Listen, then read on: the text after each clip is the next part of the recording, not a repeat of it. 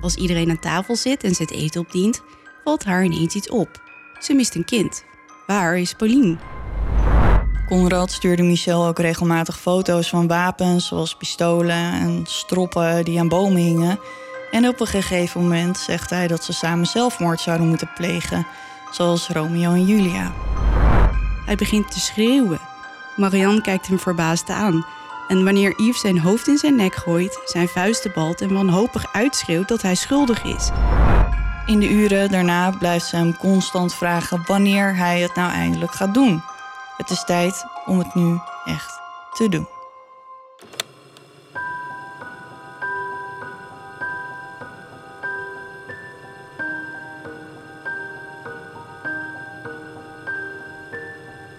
Dit is Duister.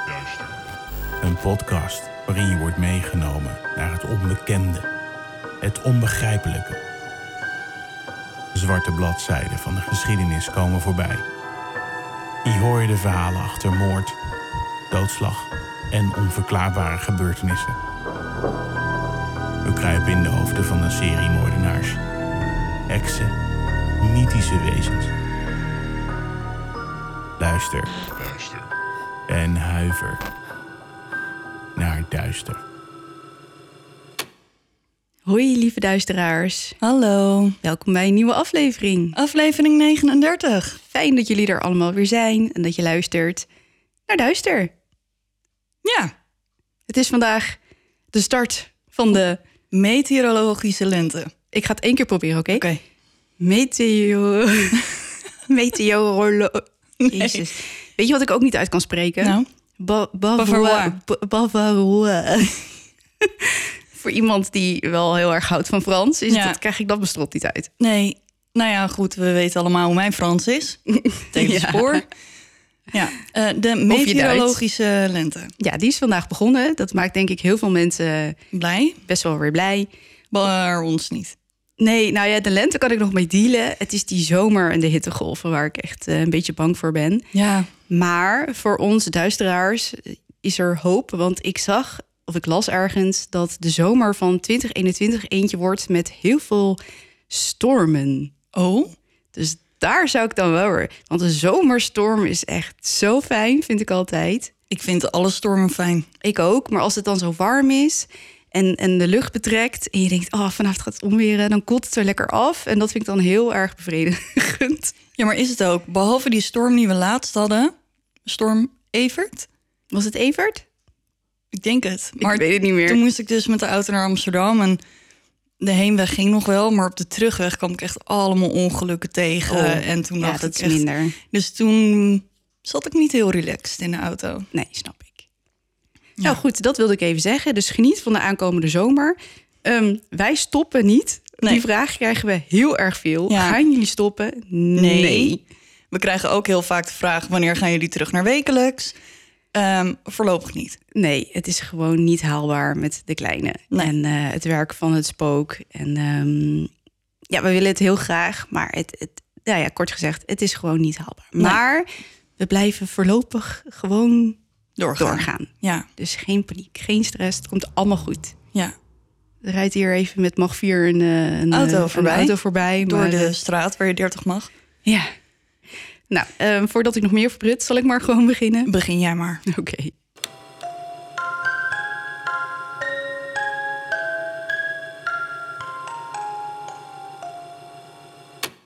Vandaag een iets anders verhaal dan dat je van mij gewend bent. Ik heb getwijfeld of ik deze zou vertellen aan jou vandaag. Helemaal met het oog op de aankomende special. Maar het spook vond het een, go- een goeie. Dus nou ja, daar vaar ik dan maar op. Nou, dan Ehm, hoop ik maar dat ik het met Spook eens ben. Dat hoop ik ook. Daar gaan we. Oké. Het is niet helemaal bekend wanneer de Franse Pauline Picard precies geboren wordt. Maar omdat ze twee jaar oud is op het moment dat dit verhaal zich afspeelt, nemen we aan dat het rond 1920 geweest moet zijn. Pauline woont samen met haar vader François, haar moeder Marianne en acht broertjes en zusjes in het kleine dorpje Goa-à-Ludu in Bretagne, Frankrijk. De familie spreekt Bretons, een oud dialect dat is meegenomen door de Kelten, afkomstig uit Engeland. Het is een beetje vergelijkbaar met het Nederlandse Fries. Ja, Ja, dus ehm, zeg maar gewoon een, een, een dialect in een land Ja. met een bestaande taal. Dus eh, ik versta namelijk echt geen woord Fries. Ik ook niet. En de Fransen kunnen het Bretons, wat overigens ondertussen een bijna uitgestorven taal is, dus ook niet verstaan. Op 6 april 1922 roept Marianne aan het einde van de middag haar kinderen voor het eten. De familie woont op een fijne, maar afgelegen plek, bovenop een heuvel met veel gras en genoeg ruimte voor de kinderen om te spelen. Marianne's man, François, is boer en aan het werk op hun land. Ze verwacht hem elk ogenblik thuis. Terwijl ze de pannen van het vuur haalt, hoort Marianne het gelach en gegil van haar kroost als ze allemaal de keuken binnenkomen. Als iedereen aan tafel zit en ze het eten opdient, valt haar ineens iets op. Ze mist een kind. Waar is Pauline? Snel vraagt ze de andere kinderen waar ze Pauline gelaten hebben, maar geen van hen weet het precies. Eerst was ze er nog en toen niet meer. Marianne voelt zich koud worden en daarop volgt onmiddellijke paniek. François, die net is thuisgekomen, vraagt haar wat er is, als hij zijn vrouw ineens wit ziet wegtrekken.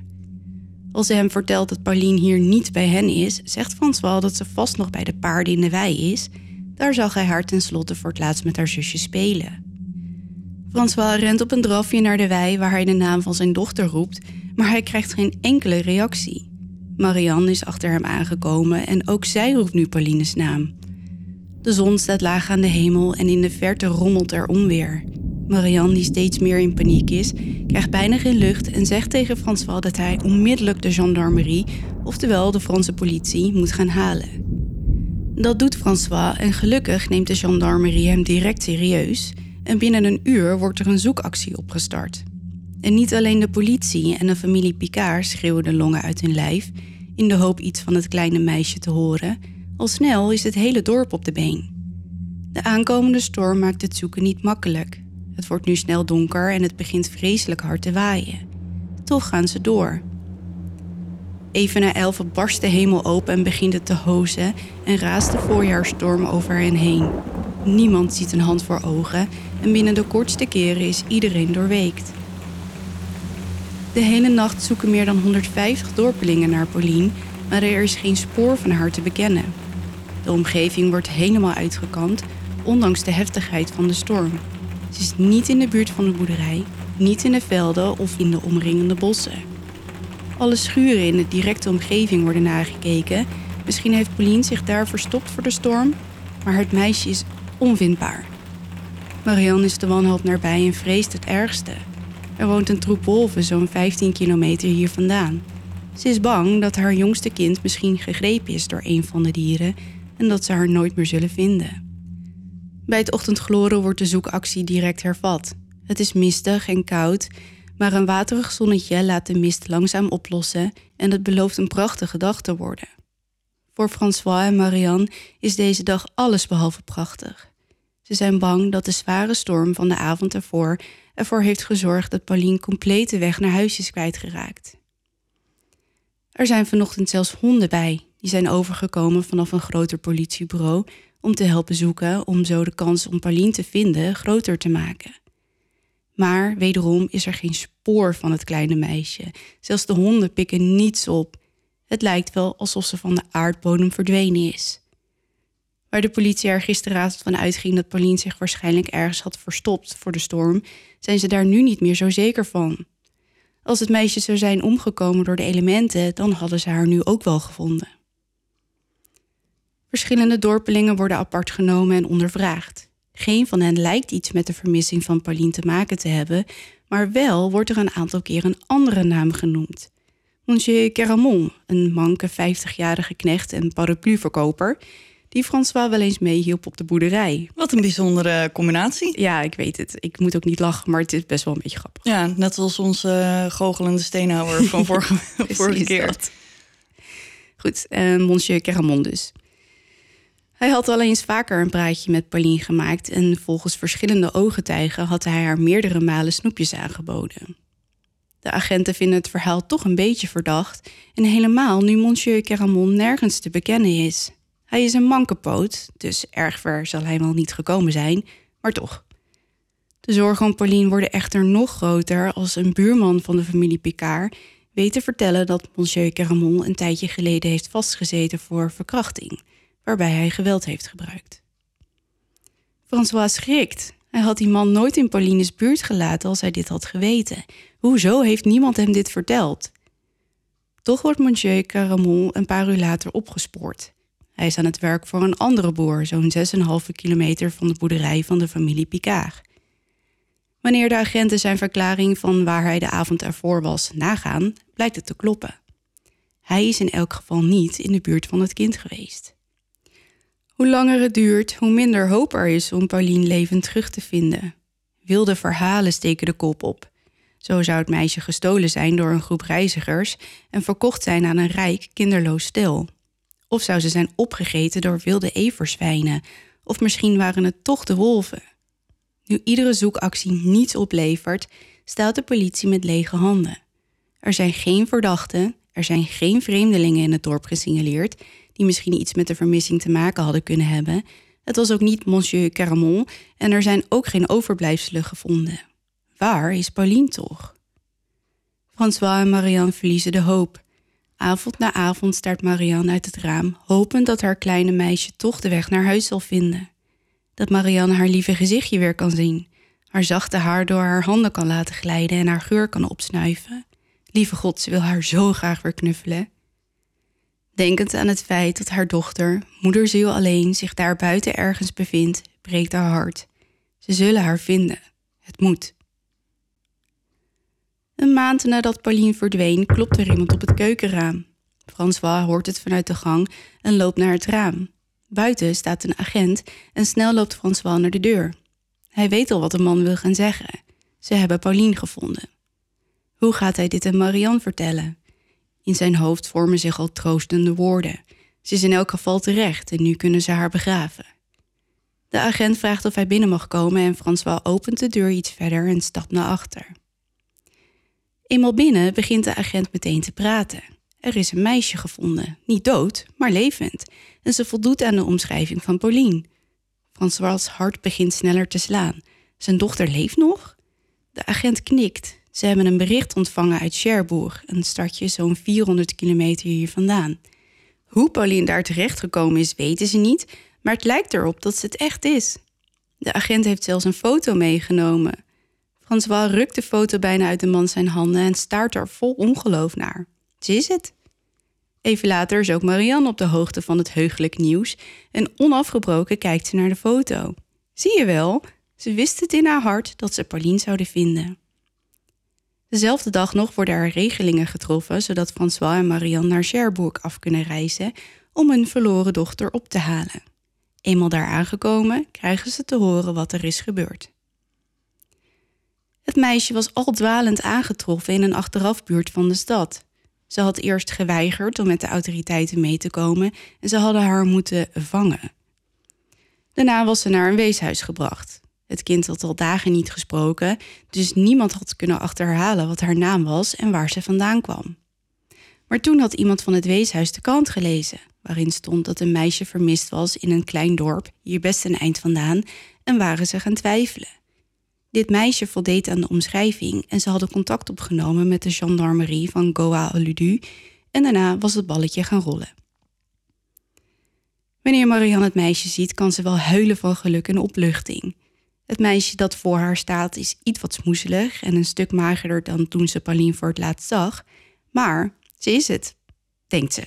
Het valt lastig te zeggen. Ook François kan zijn geluk niet op. Voor hem is er geen twijfel mogelijk. Toch reageert Pauline niet op de vragen die ze haar stellen. Was ze verdwaald geweest? Was het toch Monsieur Caramon geweest? Nee? Iemand anders dan? Maar, Hoe is ze hier terechtgekomen? maar wacht even. Ja? Ik heb geen verstand van kinderen. Ik ken alleen jouw kinderen, Mhm. mijn kinderen, onze kinderen. Ehm, maar ze is twee. Mhm. Hoe goed praten kinderen van twee al? Eh, best wel een aardig woordje hoor. Ja? Ik, ja, die van mij was wat laat, maar de meeste kinderen kunnen echt, daar kun je ook wel een klein gesprekje mee voeren. Oké. Ja, nee, ik vroeg het me gewoon af. Voor mij zijn kinderen van twee die... Nee, die zijn, al best wel, ver. Best wel een beetje bij de pink hoor. Je, Oké. het, zijn geen, geen peuters die we nu hier hebben rondlopen, maar een tweejarig kan al wel een beetje, een, beetje Ja. een babbeltje houden. Oké. In ieder geval misschien zeggen hoe die heet. Ehm, En hallo, en jij bent niet mijn vader of mijn moeder, maar ik ben wel bang voor jou. Weet ik, het, het is heus wel een Ja, klein gesprekje mogelijk. Maar dit kleine meisje zegt niets. Marianne kijkt bezorgd naar haar man, maar die haalt zijn schouders op. Blijkbaar heeft hun tweejarige peuter een halve wereldreis achter de rug. Wie weet wat ze allemaal heeft meegemaakt. Ze moeten haar de tijd geven. Waarschijnlijk lijdt ze gewoon aan geheugenverlies. En dus pakken François en zijn opgeluchte vrouw hun koffers weer in en keren terug naar huis. Toch bekruipt de familie Picard bij thuiskomst een vreemd gevoel tegenover Pauline. Het meisje zegt nog steeds geen woord, toont geen blijdschap bij de hereniging met haar broertjes en zusjes en ze is zo mager. Haar haar heeft net een andere tint en ze lijkt kleiner. Maar haar oren zijn echt die van Pauline en de specifieke kleur van haar ogen herkennen ze uit duizenden. De hele familie heeft praktisch dezelfde kleur. Maar alle twijfels worden weggenomen wanneer Pauline een paar woordjes spreekt in Bretons. De volgende dag komt de dokter langs, die bevestigt dat dit inderdaad Pauline is nadat hij haar onderzocht heeft. Het meisje vertoont geen wonden en het lijkt er niet op dat ze mishandeld of misbruikt is. Later komen de meeste buren langs, die François en Marianne feliciteren met de terugkeer van hun dochter. Het kleine meisje rent vrolijk achter haar broertjes en zusjes aan, terwijl de volwassenen genieten van de lentezon op het erf met een glas wijn. Het geheugenverlies waar Pauline last van had, verdwijnt steeds meer naar de achtergrond. Ze herkent de naam van de kat weer, weet ook weer de weg naar de bakker te vinden. Langzaam zegt ze steeds meer woordjes in het Bretons. Ze komt aan in gewicht en lijkt weer helemaal zichzelf. Marianne en François hebben nu geen twijfels meer over dit meisje. Dit is hun dochter. Dagelijks krijgt de familie bezoek van dorpelingen, allemaal om even naar Pauline te kijken en om hun blijdschap te kunnen betuigen. Zo ook Yves Martin, een boer die een eindje verderop woont. Een aantal weken nadat het meisje thuis is gekomen, vraagt hij Marianne of hij Pauline mag zien. Marianne, die aanneemt dat hij, net als alle andere dorpelingen, zijn blijdschap wil overbrengen, neemt hem mee naar de keuken, waar het meisje op een kleed aan het spelen is. Yves loopt achter haar aan, maar het valt Marianne op dat hij zich nogal vreemd gedraagt. Telkens kijkt Yves om zich heen en hij lijkt op zijn hoede. Wanneer ze de deur opent en met een grote grijns opzij stapt, zodat Yves ruim zicht op het meisje heeft, lijkt de man ineens zijn zelfbeheersing te verliezen. Hij begint te schreeuwen. Niet van woede of verdriet, het lijkt eerder wel spijt. Huh? Marianne kijkt hem verbaasd aan. En wanneer Yves zijn hoofd in zijn nek gooit, zijn vuisten balt en wanhopig uitschreeuwt dat hij schuldig is. Oh God, help hem, hij is schuldig. Daarna rent hij de keuken uit, een verbouwereerde Marianne achterlatend. Maar als dit al vreemd was, wat hierna gebeurt, maakt de zaak alleen maar ingewikkelder. Daags na het voorval met Yves Martin loopt een andere boer, Monsieur Lemeur, naar huis, terwijl hij zijn koeien voortdrijft. Ze zijn traag vandaag en ze willen niet opschieten. Hij vindt het niet erg, het is lekker weer buiten en zo hoeft hij thuis de tafel niet te dekken voor het eten. Dat klusje haalt hij. Ik snap hem wel. Ik ook. Maar als hij het terrein van de familie Picard passeert, valt hem ineens wat op. In zijn ooghoek ziet hij een kledingstuk liggen. Monsieur Lemeur loopt voorzichtig naar het stuk kleding toe, maar als hij dichterbij komt, schiet zijn hand verschrikt naar zijn mond. Het is geen kledingstuk, het is een lichaam. En zo te zien van een jong kind. Uh-oh.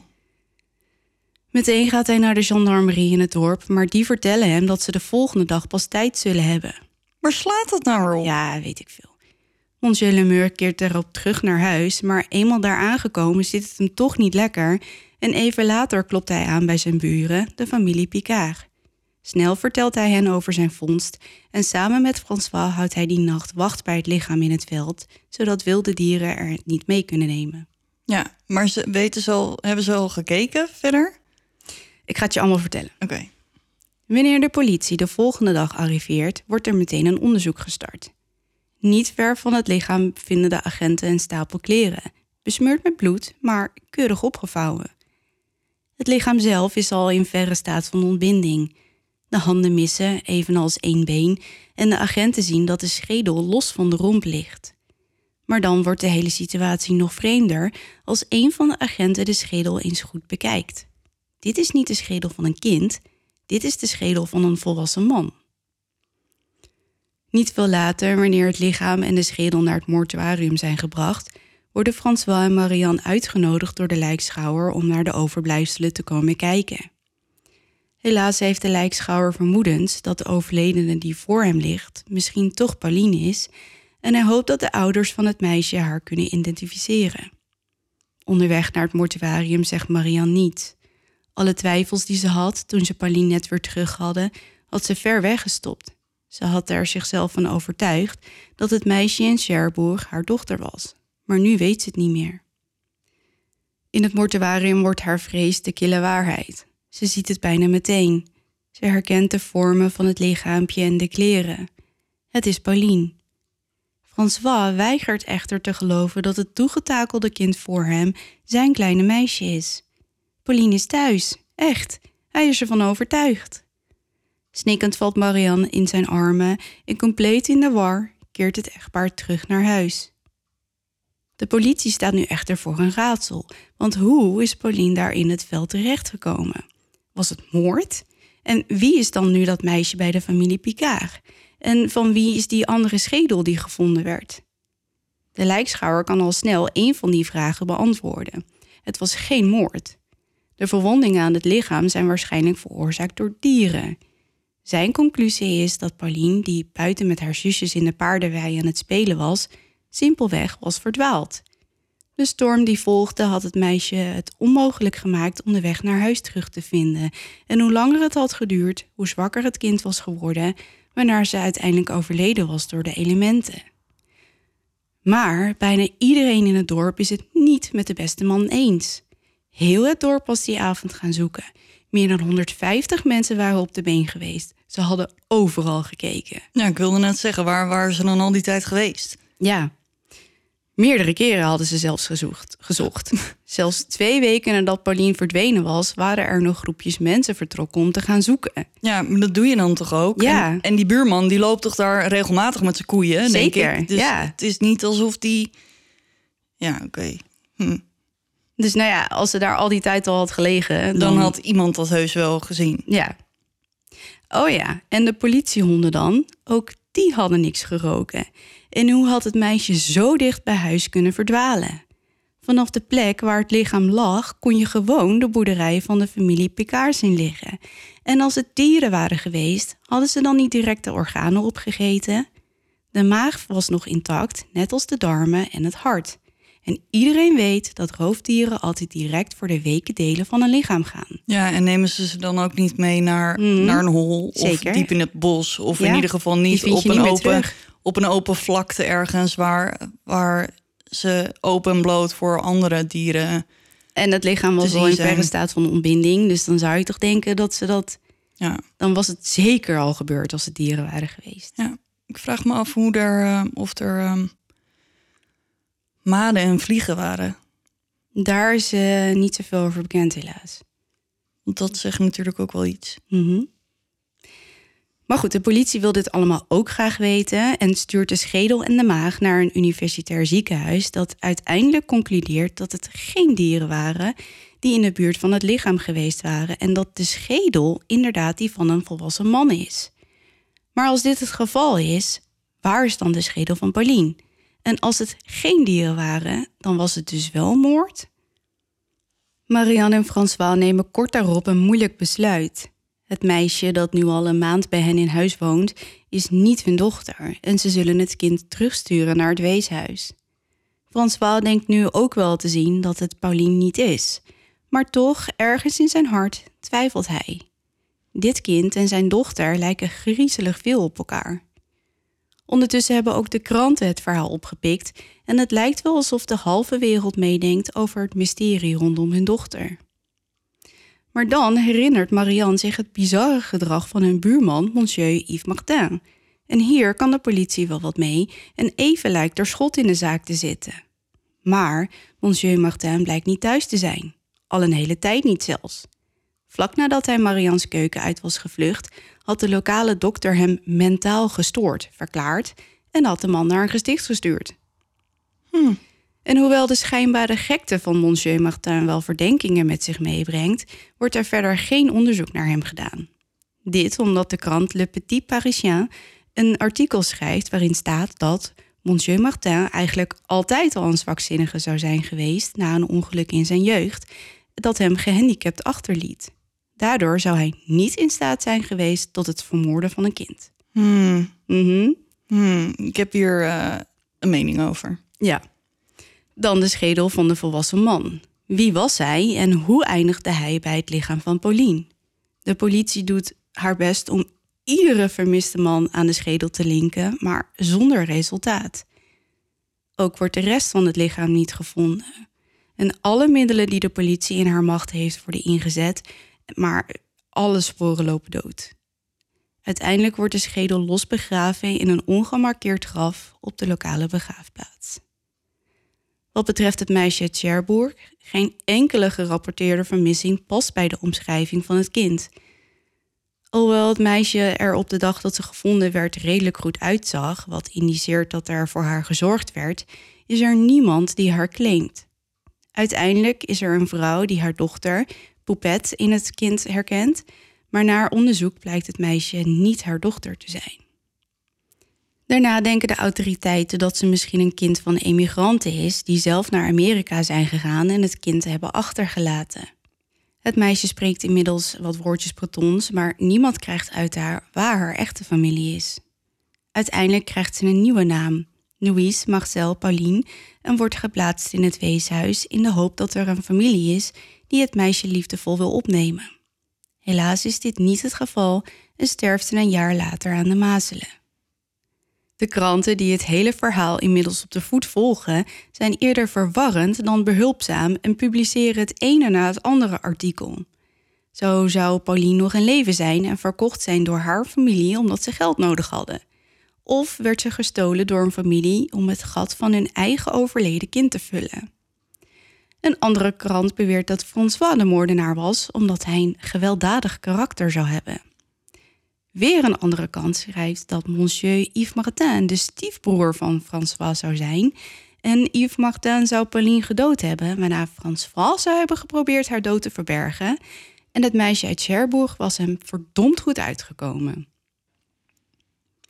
Het lichaam van Pauline, als het Pauline is, niemand schijnt het nog te weten, wordt begraven op de begraafplaats van Goa-Ludu en krijgt op de grafsteen de naam Pauline Picard, gestorven op 6 april 1922 de dag dat Pauline verdween. En waarschijnlijk zullen we nooit weten wat er met haar gebeurde. Het is wel aannemelijk dat het meisje dat in het veld gevonden werd daadwerkelijk Pauline was en het meisje in Cherbourg een bizarre lookalike. François en Marianne hebben, wat ook wel volledig te begrijpen is, hun gevoelens genegeerd toen zij het meisje in Cherbourg ophaalden. Het verdriet was te groot en nu kregen ze een nieuwe kans met hun dochter. Wat ik heel goed. Ja, logisch. Ja. En dat was het verhaal van kleine Pauline Picard. Ik heb nog een paar uh, feitjes. Ja. Het Sherbrooke-meisje had exact dezelfde moedervlekken als François. Uh, Pauline was waarschijnlijk 77 centimeter, het Sherbrooke-meisje maar 60. Um, ehm, François en Yves Martin waren zeker weten geen familie van elkaar. dus dat verhaal is echt larikoek. En deze vind ik echt apart. In de weken van Pauline's vermissing was er een vrouw uit Goa Aludu op bezoek in Cherbourg. Zij zag daar een meisje over straat zwerven waarvan ze dacht dat het Pauline was, maar ze was niet op de hoogte van Pauline's vermissing op dat moment. Dus zij dacht, dat is gek, dat is Pauline uit mijn dorp. Ja. Wat doet hij hier? Maar dat dat zij heeft waarschijnlijk datzelfde meisje gezien waarvan iedereen dacht wel, ja. dat het Pauline was, maar zij heeft niet gedacht van, hé, hey, wat gebeurt Ik ga hier? Even vragen waar de ouders zijn of uh... wat, wat, wat is hier aan de hand? Ja. En ergens vind ik het jammer, ondanks dat ik het ook heel goed begrijp. Maar ik denk dat je hele ingewikkelde gevoelens daarvan krijgt. Dat ze haar niet gehouden hebben. Dat inderdaad de familie Picard heeft gezegd: ondanks dat dit niet onze dochter is, mag ze bij ons opgroeien. Ja, dat dacht ik ook. Want ja, het is natuurlijk super moeilijk. En misschien is het nog wel moeilijker omdat ze zo op elkaar lijken. Mhm. Dus je weet, je ziet de hele tijd je eigen kind, maar je weet dat het je eigen kind niet is. Nee. Dus misschien als. Maar ze was daar al een maand. Hè? Ja. En ik weet dat, het super moeilijk is. Ja, dat, dat het niet jouw dochter is. Omdat je de hele tijd eraan wordt herinnerd dat het niet jouw dochter is. En dat die waarschijnlijk overleden is. Ja. Maar dat kind was daar zo al thuis. Ja, maar ik snap dat het echt super ingewikkeld is. Ja. En ik weet ook niet wat ik zou doen als ik in die situatie terecht was gekomen. Maar Nee, ik ook niet. Nee, en dat zeg ik helemaal omdat ze zo lijken. Het is niet alsof je dan een heel ander een kind heel hebt. ander kind hebt. Dan dat je denkt, nou, hè, Pauline is er niet meer, maar we, We hebben nu, we hebben nu een plekje over Ja. om, om iemand die het nodig heeft een goed huis te bieden. Maar ja, als er dan als twee druppels water op elkaar lijken, maar je weet dat het jouw kind niet is, dat lijkt me wel echt heel moeilijk. Ja, dat lijkt me ook. En het is nog treuriger dat ze een jaar later sterft aan de mazelen. ja, ook dat nog. Dat had misschien voorkomen kunnen worden. Ja. Maar het is me een raadsel hoe dat, hoe dat lichaam daar in één keer is opgedoken.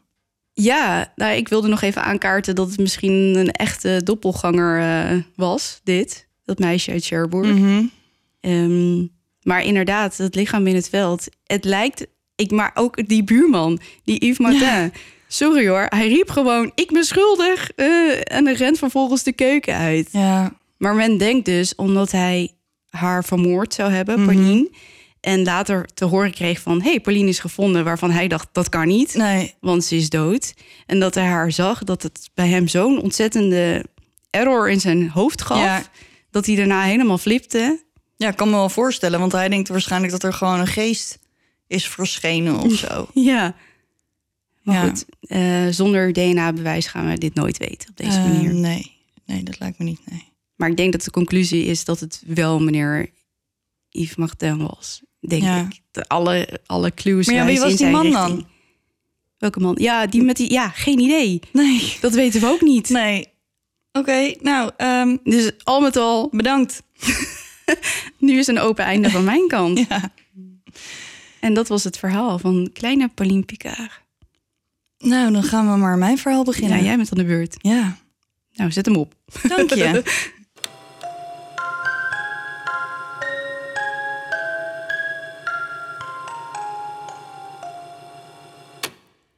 Vandaag vertel ik het verhaal van Conrad Roy en Michelle Carter. Voordat ik begin even een waarschuwing. Ehm, deze zaak gaat over zelfmoord. Als dat iets is waar je moeite mee hebt, dan kan je deze beter overslaan. Ehm, en mocht je nadenken over het beëindigen van je leven, zoek dan alsjeblieft hulp. Dat kan online op 113.nl of telefonisch. Bel dan 0800 0113. En ik zal de link ook in de show notes zetten. Of als je het prettiger vindt, kan je ook naar je huisarts en dan kan die samen met jou hulp zoeken. Oké. Goed, Conrad Roy en Michelle Carter dus. Conrad Henry III wordt geboren op 12 september 1995 in Mattapoisett, Massachusetts. Als dit verhaal zich afspeelt in 2014 is hij 18 jaar oud. Zijn familie omschrijft hem als een beetje een onruststoker. Eh, maar volgens zijn zus kwam hij er eigenlijk altijd mee weg. Dus hij vond het wel leuk om een beetje Te geinen. te geinen en zo. Maar ja, hij kwam er nooit door in de problemen. Hij was dol op sport. Hij speelde honkbal en deed aan atletiek. En hij was ook heel slim. Toen hij zijn diploma behaalde, behoorde hij tot de beste studenten van zijn klas. Als bijbaantje tijdens zijn middelbare schoolperiode werkte hij samen met zijn opa, vader en oom in een bergingsbedrijf. Tucker Roy Marine Towing and Salvage Incorporated. Oh, Ja, dus eh, ze deden aan berging op zee. ja, dat eh, leek ik al te verstaan daaruit. Ja, ehm, Conrad en zijn familie hielpen schepen na een schipbreuk of een ander maritiem ongeval. En dat kan dan zijn door het slepen van een boot, maar ook het uitvoeren van reparaties aan een boot. In de lente van 2014 haalde Conrad zijn kapiteinsdiploma na drie maanden avondschool. Hij schreef zich in bij Fitchburg State University om business studies te gaan studeren. En hij krijgt een volledige beurs. Dus Oh. dat is mooi. Dat is zeker mooi. Zo op het eerste gezicht lijkt het alsof Conrad een mooi leven heeft. Hij is slim, hij is sportief, hij heeft een liefdevolle familie die van hem houdt. En eigenlijk lijkt het gewoon alsof hij een hele mooie toekomst tegemoet gaat. Toch heeft Conrad het moeilijk. Al vanaf jongs af aan heeft hij last van sociale angsten. Als hij ouder wordt, ontwikkelt dit zich tot een angststoornis en een depressie. Hij krijgt verschillende therapieën, maar niets lijkt echt te helpen. Als Conrad 17 is, doet hij zijn eerste zelfmoordpoging. Hij neemt een overdosis paracetamol. Huh? Kan je daar, kan je daaraan sterven? Eh, als je er genoeg neemt, eh, volgens mij wel. Maar dan moet je er wel echt heel, Ik heel, wilde net heel veel zeggen, slikken. want ik... eh, Ik Nou- heb wel eens gehoord van iemand ook die ehm, heel veel para- paracetamol had geslikt ehm, tijdens een zelfmoordpoging. Ehm, maar die had alleen maar heel lekker geslapen. Ja, want ik, onlangs werd me nog verteld dat paracetamol door de huisarts overigens toch echt een van de veiligste geneesmiddelen is om, eh, om te nemen. Maar ik, eh, ik, ik- Ja, maar het gaat natuurlijk wel om de ho- hoeveelheid. ja, ja. zeker. Terwijl hij wacht tot de paracetamol zijn werk doet, praat hij online met een meisje en hij vertelt haar wat hij heeft gedaan. Het meisje schrikt zich rot en ze belt de politie. Ze brengen hem naar het ziekenhuis en Conrad overleeft. En ik begon natuurlijk met, ik ga het hebben over Conrad Roy en Michelle Carter. Het is dus nu tijd om Michelle te introduceren. Michelle werd geboren op 11 augustus 1996 in Plainville, Massachusetts. In 2014 is ze 17 jaar oud. Net als Conrad krijgt Michelle op jonge leeftijd te maken met psychische klachten. Als ze acht of negen is, ontwikkelt ze een eetstoornis. En als ze veertien is, krijgt ze door een psychiater medicijnen voorgeschreven. Ook zij kreeg therapie om haar te helpen. Ze werd omschreven als een extravert meisje die haar klasgenoten regelmatig aan het lachen maakte met grapjes. En op school werd ze uitgeroepen tot meest waarschijnlijk om je op te fleuren. Ze hebben daar natuurlijk in Amerika vaak van al die, die Ja. stemdingen. Van die ehm, verkiezingen ja, voor het een en ander. ja, dus nou ja, zij was dus het meest waarschijnlijk om je op te fleuren. Michelle kon het met iedereen goed vinden, maar eigenlijk had ze geen echte vrienden. Niet een groepje waar ze vaak mee omging of gewoon losse vrienden. Ze deed wel altijd heel erg haar best om vrienden te maken, maar was nooit iemand waar ze echt supergoed mee klikte. En ik had het net al even over haar psychische problemen. Ehm, mensen op school wisten van de dingen waarmee ze worstelden. En ze had het gevoel dat Michelle deze problemen vaak gebruikt om sympathie op te wekken en aandacht te krijgen. Het viel ze ook op dat haar gewicht nogal schommelde. En ze wisten dat Michelle een tijdje in een psychiatrisch ziekenhuis had verbleven om haar te helpen met haar problemen. Later komen we op de berichtjes die ze stuurde naar Conrad en andere mensen, zoals zijn familie. En dan wordt het ook wel duidelijk wat ze daarmee bedoelen. Oké. Ik heb alvast een paar, eh, een klein stukje. Er zijn bijvoorbeeld berichten naar meisjes van school waarin Michelle altijd het gesprek begint. En als ze dan niet reageerde, dan appte Michelle er weer achteraan, vaak meerdere keren, totdat er eindelijk dan een keer gereageerd werd. En als er dan een reactie kwam, die was dan meestal kort, want mensen zaten er niet echt op te wachten, dan begon ze vragen te stellen als: Vind je me irritant? Kan ik je wat vragen? Dus ze is echt continu bezig om het gesprek gaande te houden. En ook al zou iemand anders misschien wel merken dat de ander er niet echt op zit te wachten. ehm, na een paar keer een eenletterig antwoord. Eenrichtingsverkeer. Een- eenrichtingsverkeer. En eh, dus alleen maar net zolang totdat ze aandacht kreeg. En Maar deed ze dat uit wanhoop? Of deed ze dat omdat ze gewoon echt graag aandacht wilde? nou ja, dit verhaal duurt nog even. Dus Oké, nou we gaan het horen. verder. Ja, en wat ze ook keer op keer doet, is haar eetstoornis in het gesprek brengen. En dat is natuurlijk helemaal oké als je ook een het soort relatie hebt met iemand waarbij het kan. Ja, Maar zij deed het bij mensen die ze amper kende. Of ze zei ergens random in een gesprek dat ze zichzelf sneed. En dit brengt die andere meiden in een beetje een lastige positie. Want eigenlijk willen ze er helemaal niks mee te maken hebben. Maar ja, iemand die dat soort dingen zegt, wil je dan ook niet echt laten hangen. Dus nee. ze willen er wel helpen, maar het was nou niet alsof ze zelf heel veel plezier uit de gesprekken haalden. En het leek ook gewoon een beetje op het moment dat als Michelle merkte dat die meiden zich een beetje terug begonnen te trekken, dat ze dan op dat moment zoiets erin gooiden over de Oh ja, eetstoornis. om, of om de aandacht erbij te houden. ja. Ehm, terug naar Conrad en Michelle. Ondanks dat ze allebei uit Massachusetts komen, is dat niet waar ze elkaar leren kennen. De twee ontmoeten elkaar in 2012. Conrad is dan 16 en Michelle is 15. Ze zijn dan alle twee op bezoek bij familie in Florida. Dus Conrad is bij zijn familie en Michelle is bij haar familie.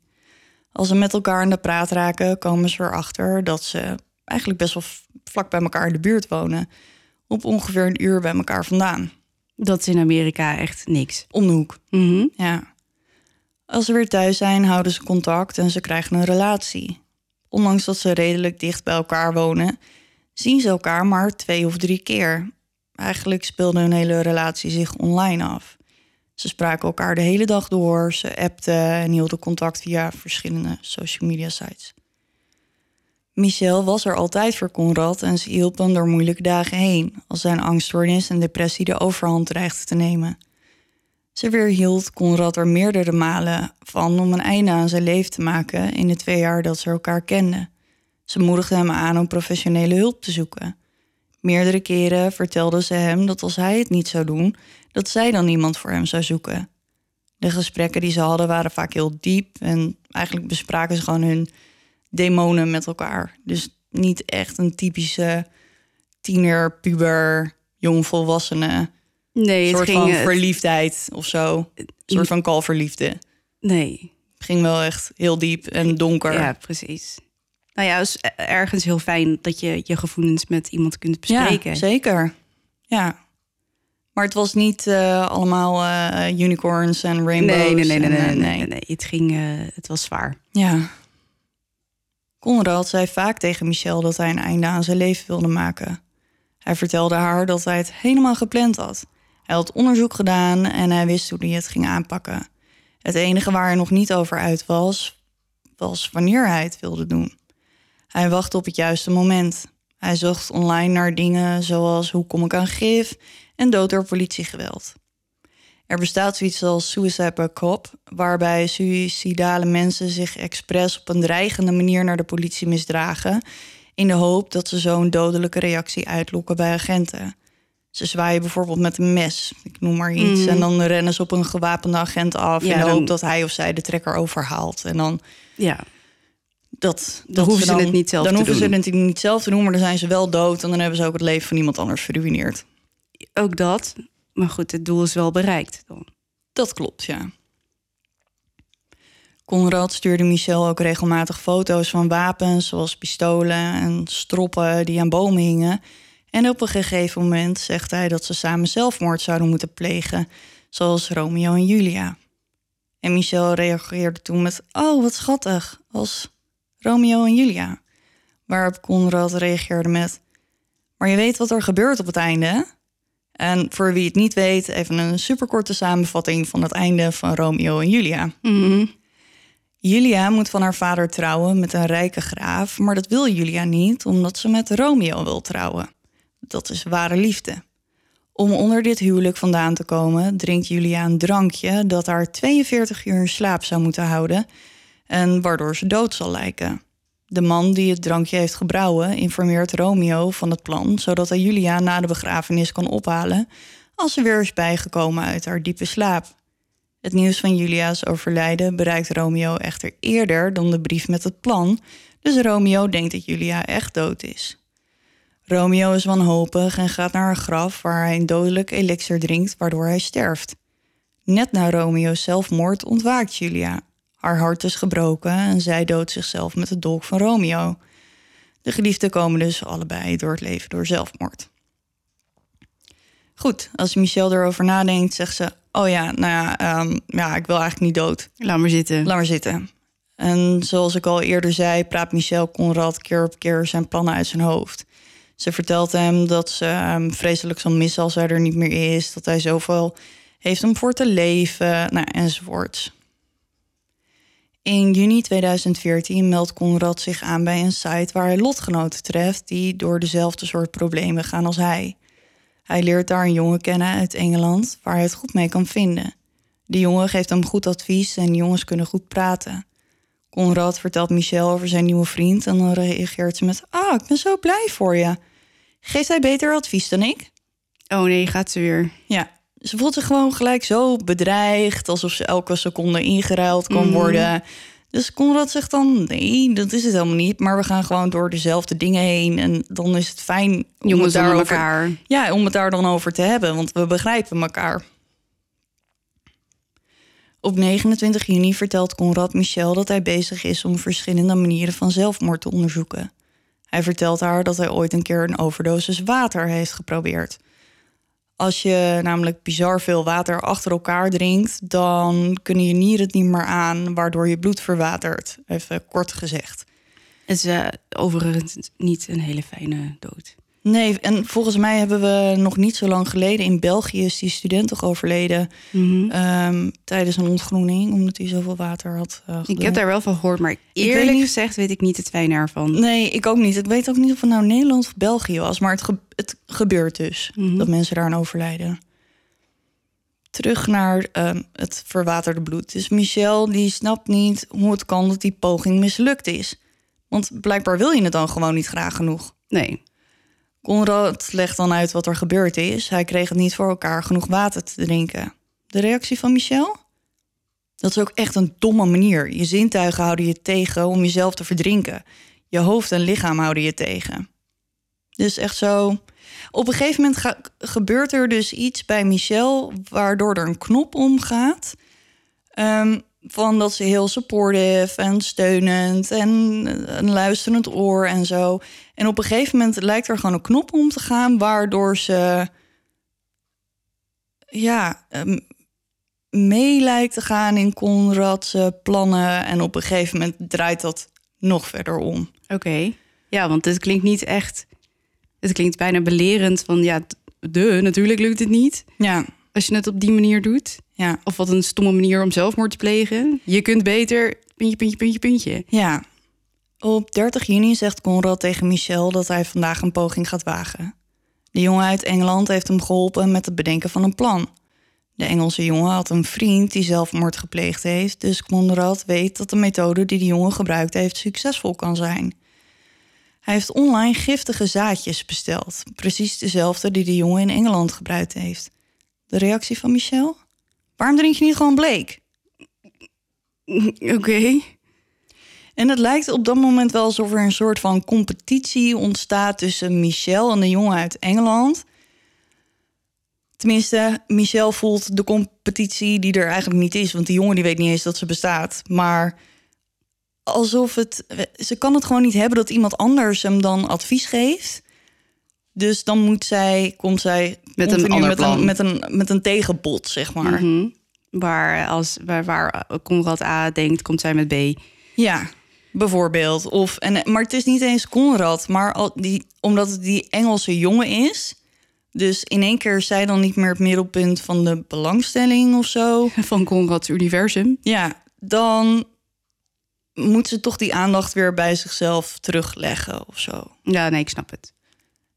We gaan nu verder in juli en Conrad heeft het zwaarder dan ooit. Hij deelt niet met zijn familie hoe slecht het met hem gaat. Hij heeft geleerd om zijn gevoelens goed te verbergen. Zijn familie heeft op dit moment het idee dat het eigenlijk beter dan ooit met hem gaat. Hij krijgt cognitieve gedragstherapie en zijn familie denkt dat het hem goed doet. Op 12 juni 2014 maakt Conrad met zijn moeder en zusje een wandeling op het strand. Ze halen een ijsje en zijn familie herinnert zich dat Conrad in een goed humeur leek. Ze vonden hem alleen niet echt heel sociaal, omdat hij constant met zijn telefoon in de weer was. Maar goed, ze waren al lang blij dat hij er was en zijn moeder schreef het af als typisch gedrag van een 18-jarige. Ja, precies. Wie zit er niet op zijn telefoon gelijmd tegenwoordig? Ja, daarom. Die middag zegt Conrad tegen zijn moeder dat hij bij een vriendin langs gaat en dat ze niet op hem hoeft te rekenen met eten. Hij stapt in zijn truck en dat is de laatste keer dat zijn familie hem levend zou zien. Op 5 juli, acht dagen voor het overlijden van Conrad, hebben ze een gesprek. En ik zal even een stukje voorlezen. Dit zijn berichtjes tussen Conrad en Michel, dus ik ga eh, van Conrad naar Michel en dan Mm. Oké, Conrad zegt hi. Michel, hi. Conrad, what's up? En met een smiley. Michel, ik word net wakker. Jij? Waarom lijk je zo vrolijk? Conrad, omdat het vanavond gaat gebeuren. Michel, dat zei je gisteravond ook en de avond daarvoor ook. Conrad, ha, dat weet ik, maar het moet vanavond gebeuren. Ik ben alleen thuis. Mijn moeder en Brian slapen bij vrienden op Rhode Island. Michel, oh ja, vanavond is dan de perfecte avond. Dan heb je de hele avond om verschillende dingen te proberen. Conrad, ja, lol. Michel, denk je echt dat je het vanavond gaat doen?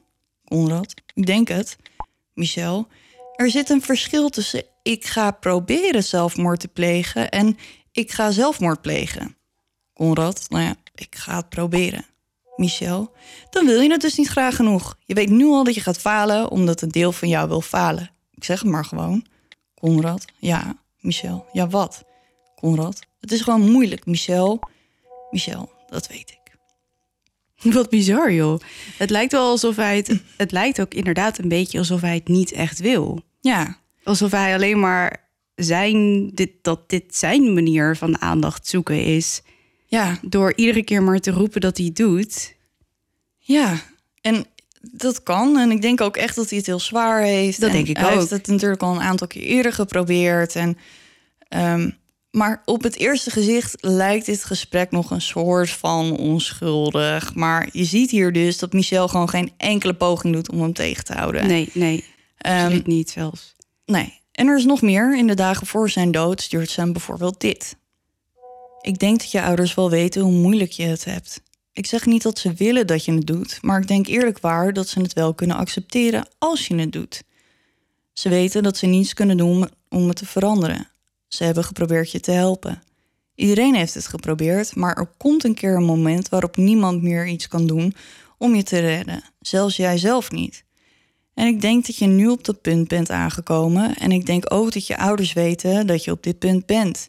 Je zei zelf dat je moeder iets over zelfmoord op je computer had gezien en dat ze daar niets van zei. Ik denk dat ze weet dat je met het idee speelt en ze is erop voorbereid. Iedereen zal een tijdje verdrietig zijn, maar uiteindelijk komen ze er overheen en gaan ze door met hun leven. Ze zullen er niet depressief van raken, daar zal ik voor zorgen. Ze weten hoe verdrietig je bent en ze weten dat je dit doet om gelukkig te worden. En ik denk dat ze het zullen begrijpen en accepteren. Ze zullen je altijd in hun hart bij zich dragen. Dus Conrad reageert daarop met: Oh, dank je, Michel. Ja, ja, maar dit is toch gewoon een soort van aanmoediging voor hem. Ja, en nou ja, opnieuw, het is niet super erg, maar ook niet echt heel erg. Ze zegt niet, je moet het doen. Nee.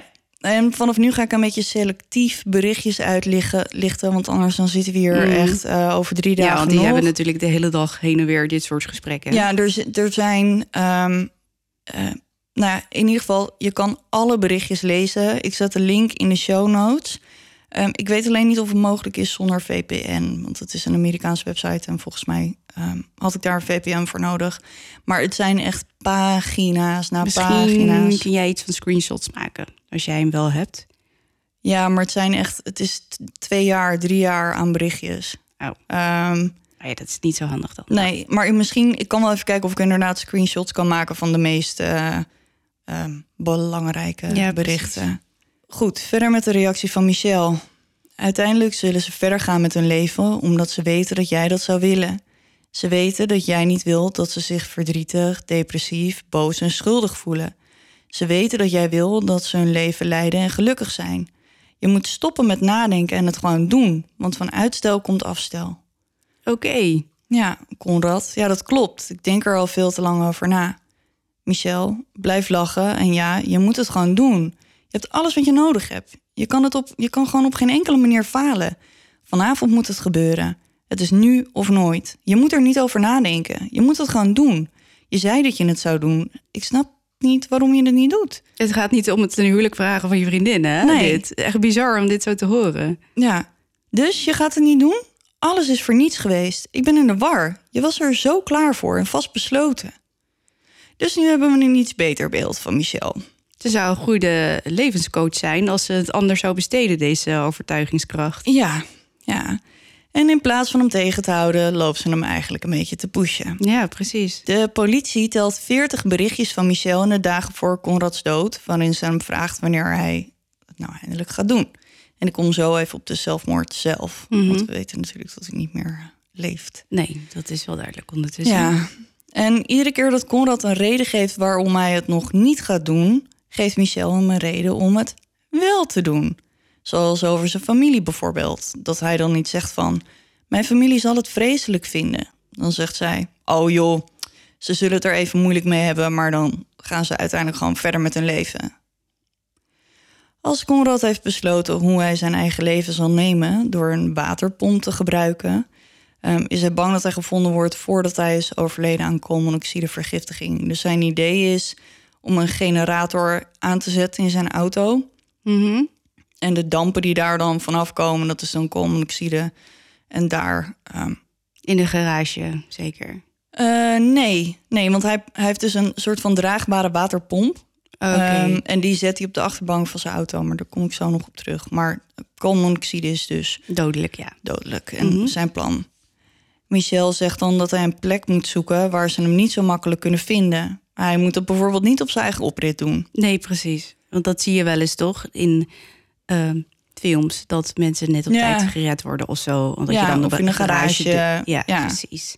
Waar lucht niet meer kan circule- circuleren en dat het dan... eh, Ja, en dan hebben ze vaak een, ehm, een, een, een pijp, een buis vanuit hun uitlaat in het raam. En dan, Ja. ja. ja. Nou ja, goed, dat zijn allemaal geen leuke dingen. Als Conrad tegen haar zegt dat hij bang is dat het niet zal werken, doet Michel onderzoek en vertelt hem precies hoe hij het moet doen en hoe lang het gaat duren. Zo zegt ze bijvoorbeeld, ze hebben al andere manieren besproken, zoals verhanging, zich snel snijden, etc. Ik zou voor de koolmonoxide gaan. Dat is eerlijk gezegd de beste manier. En ik weet hoe moeilijk het is om een tank te vinden. Dus als je een andere auto kan gebruiken, doe dat dan. Als je dat niet doet, dan zou ik een plastic zak proberen of anders jezelf ophangen. Verhanging is pijnloos en duurt maar een seconde of zo als je het goed doet. Als je het goed doet, ja. Ja, en anders dan hang je daar dus nog drie uur te struggelen. eh, We weten allemaal nog aan de boom. gevangenen van de Old City Jail... die er Daarom. 22 minuten of, of 49, ik weet niet eens meer uit mijn hoofd... In ieder geval echt lang lang. over deed Ja. om te sterven. Ja, want als je nek niet gelijk breekt, dan, eh, Een stikje. dan stik je. En dat gaat dan nog best wel eens langzaam. Mhm. En anders een plastic zak over zijn hoofd en hem vastbinden. En dan ademen totdat er geen lucht meer is. Maar op 12 juli is het dan zover. Conrad heeft zijn besluit genomen. Soort van. Rond 9 uur 's ochtends beginnen de twee te appen... en Michel vraagt hem voor de honderdste keer of hij het nou eindelijk gaat doen. Conrad zegt ja. Vervolgens bedenken ze wanneer hij het dan moet doen. Mhm.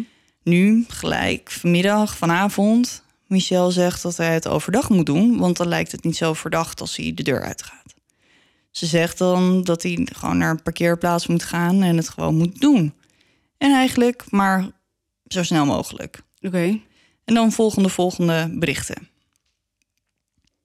Conrad, waarom ben ik zo besluiteloos de laatste tijd? Twee weken geleden was ik bereid om alles te proberen en nu voel ik me zelfs nog slechter en toch ga ik er niet mee door. Het vreet me op van binnen. Michel, je aarzelt zo omdat je er te veel over nadenkt en het voor je uit blijft schuiven. Je moet het gewoon doen, Conrad. Hoe meer je het voor je uitschuift, des te meer zal het aan je vreten. Je bent er klaar voor en je bent voorbereid. Het enige wat je hoeft te doen is de generator aan te zetten en dan ben je vrij en gelukkig. Geen uitstel meer, niet meer wachten. Conrad, je hebt gelijk. Oké, ik doe het vandaag. Michel, beloof je dat? Conrad, ik beloof het, babe. Ik moet wel nu. Michel, echt nu? Conrad, waar zal ik heen gaan? Michel, je mag je belofte niet verbreken. Ga gewoon naar een rustige parkeerplaats. Michel, ga je dat nu doen?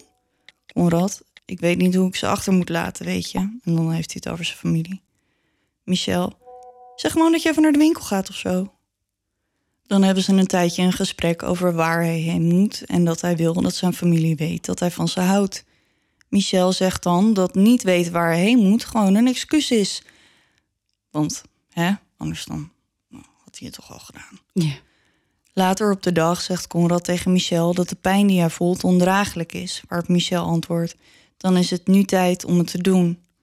Conrad zegt dan dat hij vastbesloten is en Michel is blij dat te horen. Rond vijf uur 's middags appt ze hem de volgende vraag: Heb je alle berichtjes verwijderd? Dus het is dus wel duidelijk dat ze weet dat wat ze aan het doen is ook niet echt door de beugel kan. Nee, zo. Want ze, nee. anders hoef je je geen zorgen te maken over of iemand dan berichtjes achterlaat of niet. Conrad zegt dus dat hij dat gedaan heeft, maar vraagt wel of ze hem blijft appen. Michel antwoordt dan met ja, totdat je de generator aanzet. In de uren daarna blijft ze hem constant vragen wanneer hij het nou eindelijk gaat doen. En ze vertelt hem steeds dat hij alleen maar aan het uitstellen is. Het is tijd om het nu echt te doen. Rond half zes komt Conrad aan op de parkeerplaats bij een supermarkt. Als hij daar is, belt hij met Michel, dus we weten niet zeker wat er toen gezegd is. We hebben wel een idee, aangezien Michelle, nadat ze met Conrad aan de telefoon was, haar vrienden appte om te vertellen hoe een gesprek ging. En daar kom ik dan later nog even Conrad zet de generator aan, sluit zijn deuren en ramen en wacht tot de koolmonoxide hem in slaap brengt. De politie denkt dat Conrad tussen half acht en acht uur overleed. En om drie over acht begint Michelle, het zusje van Conrad, te appen. Ze stuurt het volgende. Hey Camden, ik ben Michelle Carter. Ik weet niet of je me herinnert, maar ik date weer met je broer. Haha. Dan gaat ze verder met... Maar ehm, weet jij misschien waar je broer is? Hij beantwoordt mijn telefoontjes en appjes niet en ik maak me zorgen. Zijn zusje zegt dan dat ze niet precies weet waar hij is, want ze is niet bij hem, maar dat ze het aan haar moeder zal vragen. Vervolgens vraagt ze zich af hoe Michelle aan haar nummer komt. Dat lijkt me op zich wel een redelijke vraag. Ja. Volgens Michelle heeft Conrad haar dat nummer van Camden gegeven, maar het was niet de bedoeling om haar te laten schrikken. Camden gaat naar haar moeder Lynn en vertelt haar over de berichtjes van Michelle. Lynn had Michelle één keer ontmoet in 2013 bij een honkbalwedstrijd van Conrad. Michelle was naar haar toegekomen en had zich voorgesteld. Ze weet dus wel wie Michelle is, maar ze had eigenlijk geen flauw idee dat ehm, Haar zoon, dat haar zoon aan het daten was. En, ja. Want hij had het echt nooit over haar. Lin dacht dat Michelle gewoon een van zijn gewone vriendinnen was. Gewoon die die van school kende of kennis. Of, eh. Nu blijkt dat ze aan het daten zijn, vond Lin het niet echt een goed idee om haar te vertellen dat Conrad die middag naar een vriendin toe was gegaan. Want ze wilde natuurlijk niet echt problemen Stoken. veroorzaken. Dus ze zegt tegen Camden dat ze maar moet zeggen dat Conrad bij zijn vader is, want eh, zijn ouders zijn gescheiden. Rond een uur of tien stuurt Lin een berichtje naar Conrad om te vragen hoe laat hij thuis komt, maar ze krijgt natuurlijk geen reactie. Rond een uur of acht begint Michelle ook haar vriendin Samantha te appen. Ze zei: Hij belde me net. Ik hoorde gekreun, alsof er iemand pijn had. Hij gaf me geen antwoord toen ik zijn naam riep. Ik denk dat hij net zelfmoord heeft gepleegd. Een paar dagen later zegt Michelle tegen Samantha: Ik geef hem zelf de schuld. Het was mijn fout. Ik sprak met hem terwijl hij zelfmoord pleegde. Ik hoorde hem huilen van de pijn. Ik had het moeten weten. Ik had iets moeten doen. Zulk soort berichtjes blijft Michelle naar haar vriendin sturen. Om zich een beetje in te dekken natuurlijk. Ja, en ook dagen na zijn dood nog, terwijl ze weet dat de politie zijn telefoon in handen heeft. En vriendin is hier een beetje een losse term, want Mm. Samantha is. mm, Gewoon nee. een, een, een, een iemand. Ja, ze kennen elkaar. En, maar het is Ja. echt een hele hechte vriendschap. Nee, oké. Dus ze weet dat de politie zijn telefoon in handen heeft. Ze zegt dan tegen haar vriendin Sam: Als ze mijn bericht aan haar lezen, dan is het klaar. Zijn familie zal het horen en ze zullen me haten. En ik kan hiervoor in de cel belanden. Daarna zegt ze Sam: Zijn dood is mijn schuld. Eerlijk, ik had hem kunnen stoppen. Ik was met hem aan de telefoon en hij stapte uit de auto omdat de koolmonoxide begon te werken. Hij werd bang en ik zei tegen hem dat hij weer in moest stappen. Dus Is dat echt zo? Of zegt ze dit alleen maar? we weten dat toen Conrad aankwam op die parkeerplaats, hebben ze eerst elkaar volgens mij iets van drie kwartier gesproken. Toen even niet. Uiteindelijk hebben ze elkaar weer aan de telefoon gehad. Dus we weten wel dat in de tijd dat hij op die parkeerplaats was, dat ze telefonisch contact met elkaar gehad hebben. Dus het is inderdaad heel goed mogelijk dat hij in die auto zat, dat hij misselijk begon te worden of pijn in zijn hoofd. Of dat hij dacht, er klopt, ik kan dit niet. Hij gaat Het- de effecten voelen van, de, van ja. de vergiftiging eigenlijk. ja, en dat hij Toen dacht ik, wil dit niet. ik wil dit niet, of ik vind het eng, of ik Help kan dit niet. help me. Ja, Ja. Ik, ga, ik wil dit niet. Ik ga Uitstappen. uitstappen, zodat ik weer kan ademen. En, en waarschijnlijk hebben ze toen elkaar aan de telefoon gehad. En zij heeft hem gewoon die auto weer in gecommandeerd. Ze heeft het hem niet gevraagd. Gewoon stap in die auto. Wat heftig, joh. Ja. Ondertussen is Conrad nog steeds niet thuis als Lin naar bed gaat. Om half twee stuurt ze hem nog een berichtje. Geen reactie. Als ze om half zes wakker wordt en de auto van Conrad nog steeds niet op de oprit ziet staan, kleedt ze zich aan, stapt in de auto en rijdt langs het huis van het meisje waar hij heen zou gaan om te kijken of zijn auto misschien daar is. Ook niet. Dan gaat ze langs het huis van zijn vader om te kijken of hij daar is. Want voor hetzelfde geld is hij daar vandaan naar zijn vader gereden. Ja, is, is die daar alsnog? Ja. Maar ook daar is geen spoor van hem te bekennen. Dan begint ze zich pas echt zorgen te maken en ze belt de politie om hem als vermist op te geven. De familie gaat op zoek naar Conrad. Ze hebben geen flauw idee waar hij kan zijn. Dan krijgt Camden rond tien uur weer een berichtje van Michelle... met de vraag of haar moeder boos op haar is. Huh? Ja, dus Camden heeft, Camden heeft ook zoiets van... weet ik veel. Ja, wie kunnen ben jij? Ja, en we Laat kunnen, mijn broer, rust. ja, we kunnen mijn broer niet vinden. Laat me, laat Ja. me lekker. Ja, wie ben jij? Ja. Om 17 over 10 stuurt Michelle Camden een berichtje dat ze komt helpen zoeken. Ze moet op haar moeder wachten, maar dan komt ze eraan. De familie heeft wel wat anders aan hun hoofd. Ze weten eigenlijk helemaal niet wie Michelle is. En ze blijft ook maar appen. Hebben jullie hem al gevonden? Weten jullie waar hij is? Wanneer hebben jullie hem voor het laatst gesproken? Hoe laat? Nou ja, waar ik wel in kan komen is dat als zij echt daten... en ondanks dat de familie eh, niet daarvan op de hoogte is... dan is het wel logisch dat als je, ondanks dat je net erachter bent gekomen... dat degene die jou appt blijkbaar de vriendin van je broer is... dat ze wel bezorgd is op het moment dat ze geen contact kunnen krijgen. Ja, maar dit is de volgende dag, terwijl ze weet dat hij dood is. Ja, maar dat weet de familie niet. Nee. Dus Ja, maar... Dus... ik, ik snap dat je dan als familie denkt... wie is deze chick? Laat Ja. ons met rust. We kunnen mijn broer niet vinden. Maar ergens zou ik dan ook denken... oké, blijkbaar daten zij. eh, ik, ik, ik stuur af en toe wel een berichtje hoe het gaat Ja. of zo, weet je wel? Ja, eens. Camden zegt dan tegen haar dat ze aan het zoeken is en dat er een vriend is komen helpen. Ja, precies dat. Dus, Ja. Maar dat zit Michel dus niet lekker. Want welke vriend?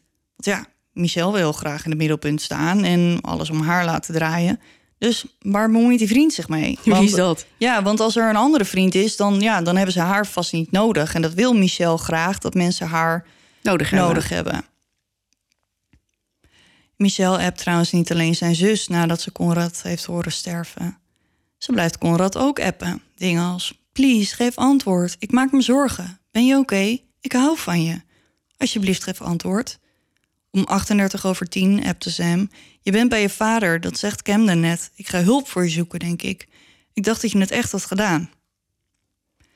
Om 2 uur, 13 juli, komt er een agent naar het huis van Conrad. Lin geeft hem een beschrijving van Conrad, een foto en een beschrijving van zijn auto.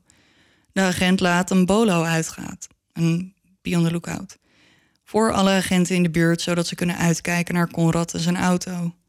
De agent gaat dan zelf op zoek en vraagt de provider van Conrads telefoon zijn locatie te tracken.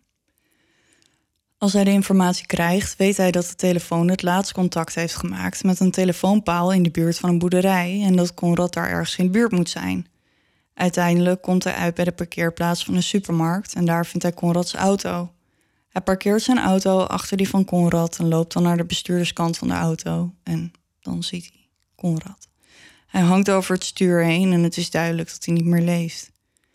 Hij belt direct om versterking en hij neemt contact op met de brandweer. Het was hem opgevallen dat er een generator op de achterbank lag. En hij had nog niet zo lang geleden een training gehad over koolmonoxidevergiftiging. Dus hij was er vrij zeker van dat dat was wat er aan de hand was. Want niet zo lang daarvoor had er ook op dezelfde manier iemand eh, zelfmoord gepleegd. En daarna moesten ze dus een training volgen. Voor. Mocht het nog een keer voorkomen. Tijdens zijn training had hij geleerd dat hij moest wachten op mensen die de auto veilig konden verklaren, zodat ze zichzelf niet in gevaar zouden brengen. Dus de brandweer. Maar hoezo dan? Waarvoor moet de brandweer dan komen om de auto veilig te verklaren? Ehm zullen we even aan het spook vragen? Eh, ja, spook? Spook?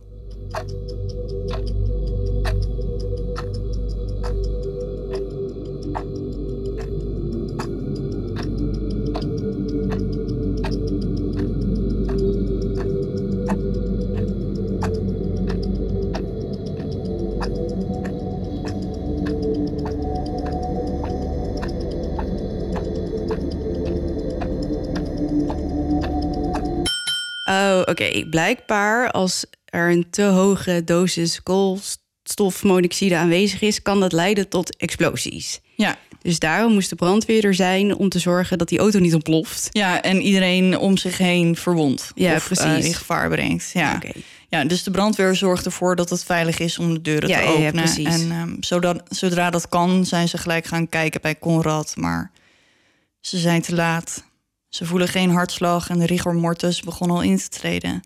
In de band van zijn broek vinden ze zijn telefoon en de politie besluit die mee te nemen. Ze hebben geen toegang tot de inhoud van de telefoon omdat ze zijn pincode niet wisten. Ze nemen contact op met de familie en brengen hem op de hoogte van het vreselijke nieuws. Later laat Camden Michel weten dat haar broer gevonden is en overleden is door zelfmoord. Michel stuurt dan gelijk Lynn een berichtje met: Het spijt me. Conrad betekende zoveel voor me en hij was zo geliefd bij zoveel mensen. Als jij of je familie hulp nodig hebben, laat het me dan weten. Hij was zo'n mooi persoon. Blijf sterk alsjeblieft. We zijn er allemaal voor jou en je familie. Hij was zo'n geweldige zoon omdat hij zo'n geweldige moeder had. Ik spreek je snel. Oké. Beetje... Ja. Ja, en daarna begint Michelle, Lynn en Camden regelmatig berichtjes te sturen. Dus ze wiggelt zichzelf gewoon een beetje daar die familie binnen. Ja, ja, ja. Ze vraagt naar de begrafenis en de waken, of eigenlijk is het een uitvaart. Ze biedt hulp aan op alle mogelijke vlakken. Ze biedt zelfs aan om langs te komen. Maar de familie wist eigenlijk helemaal niet zo goed wat ze daarmee moesten of daarvan moesten denken, aangezien ze tot voor kort helemaal geen idee hadden wie Michel was. Conrad had het natuurlijk ook nog nooit over haar gehad. Ze was nog nooit bij hen thuis geweest toen Conrad nog wel een leven was. Dus waarom wil ze dan nu ineens langskomen? Ja. Een paar dagen na zijn dood besluit een detective om de telefoon van Conrad onder de loep te nemen.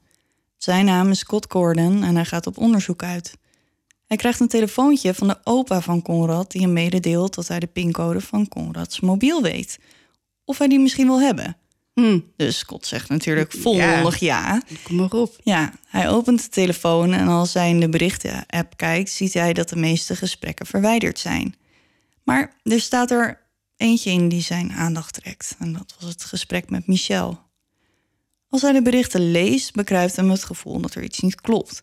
Hij volgt zijn onderbuikgevoel en stuurt de telefoon op, zodat geprobeerd kan worden om de verwijderde gesprekken terug te halen. Hij neemt contact op met de openbaar aanklager en legt de zaak aan ze voor, of ze hier misschien iets mee kunnen. Daarna gaat Scott verder op onderzoek uit en besluit Michelle eens goed door te lichten. Heel verstandig. Ja, en Michelle probeert ondertussen nog steeds bij de familie in een goed plaatje te komen. Ze post foto's van Conrad op Facebook met uitgebreide beschrijving over hoe geweldig Conrad was en dat hij het beste was dat er ooit is overkomen, bla bla bla bla. Scott gaat langs bij Lynn en vraagt of hij de computers mee mag nemen waar Conrad toegang tot had. Lynn heeft natuurlijk geen bezwaar en ze vertelt hem dat ze een zelfmoordbriefje gevonden heeft in een notitieblok gericht aan Michelle. Scott, nieuwsgierig, neemt de brief mee. En ik heb de brief hier, ik heb hem vertaald. Oké. Dus dit is van Conrad aan Michel. Blijf sterk in moeilijke tijden. Je hebt me geleerd hoe ik sterk moet zijn en door moet gaan. Dit leven is voor mij te uitdagend en lastig geweest. Maar ik zal voor altijd in je hart zijn en we zullen elkaar op een dag in de hemel ontmoeten. Zet je beste beentje voor en houd je kin omhoog. Onze liedjes. Luister naar en onthoud mij. Neem iets mee uit mijn kamer bij mijn moeders vaders huis om je aan mij te herinneren. Je komt er wel. Het spijt me van alles. Ik ben in de war, denk ik. Ik wou dat ik mijn dankbaarheid kon uiten, maar ik voel me hersendood. Ik hou van je en waardeer alles wat je voor me gedaan hebt. Laat je hart kloppen en ga vooruit. Ga naar YouTube, typ het citaat van Rocky Balboa in en laat je leiden door het licht. Ik hou van je. Best een mooie brief. Ja.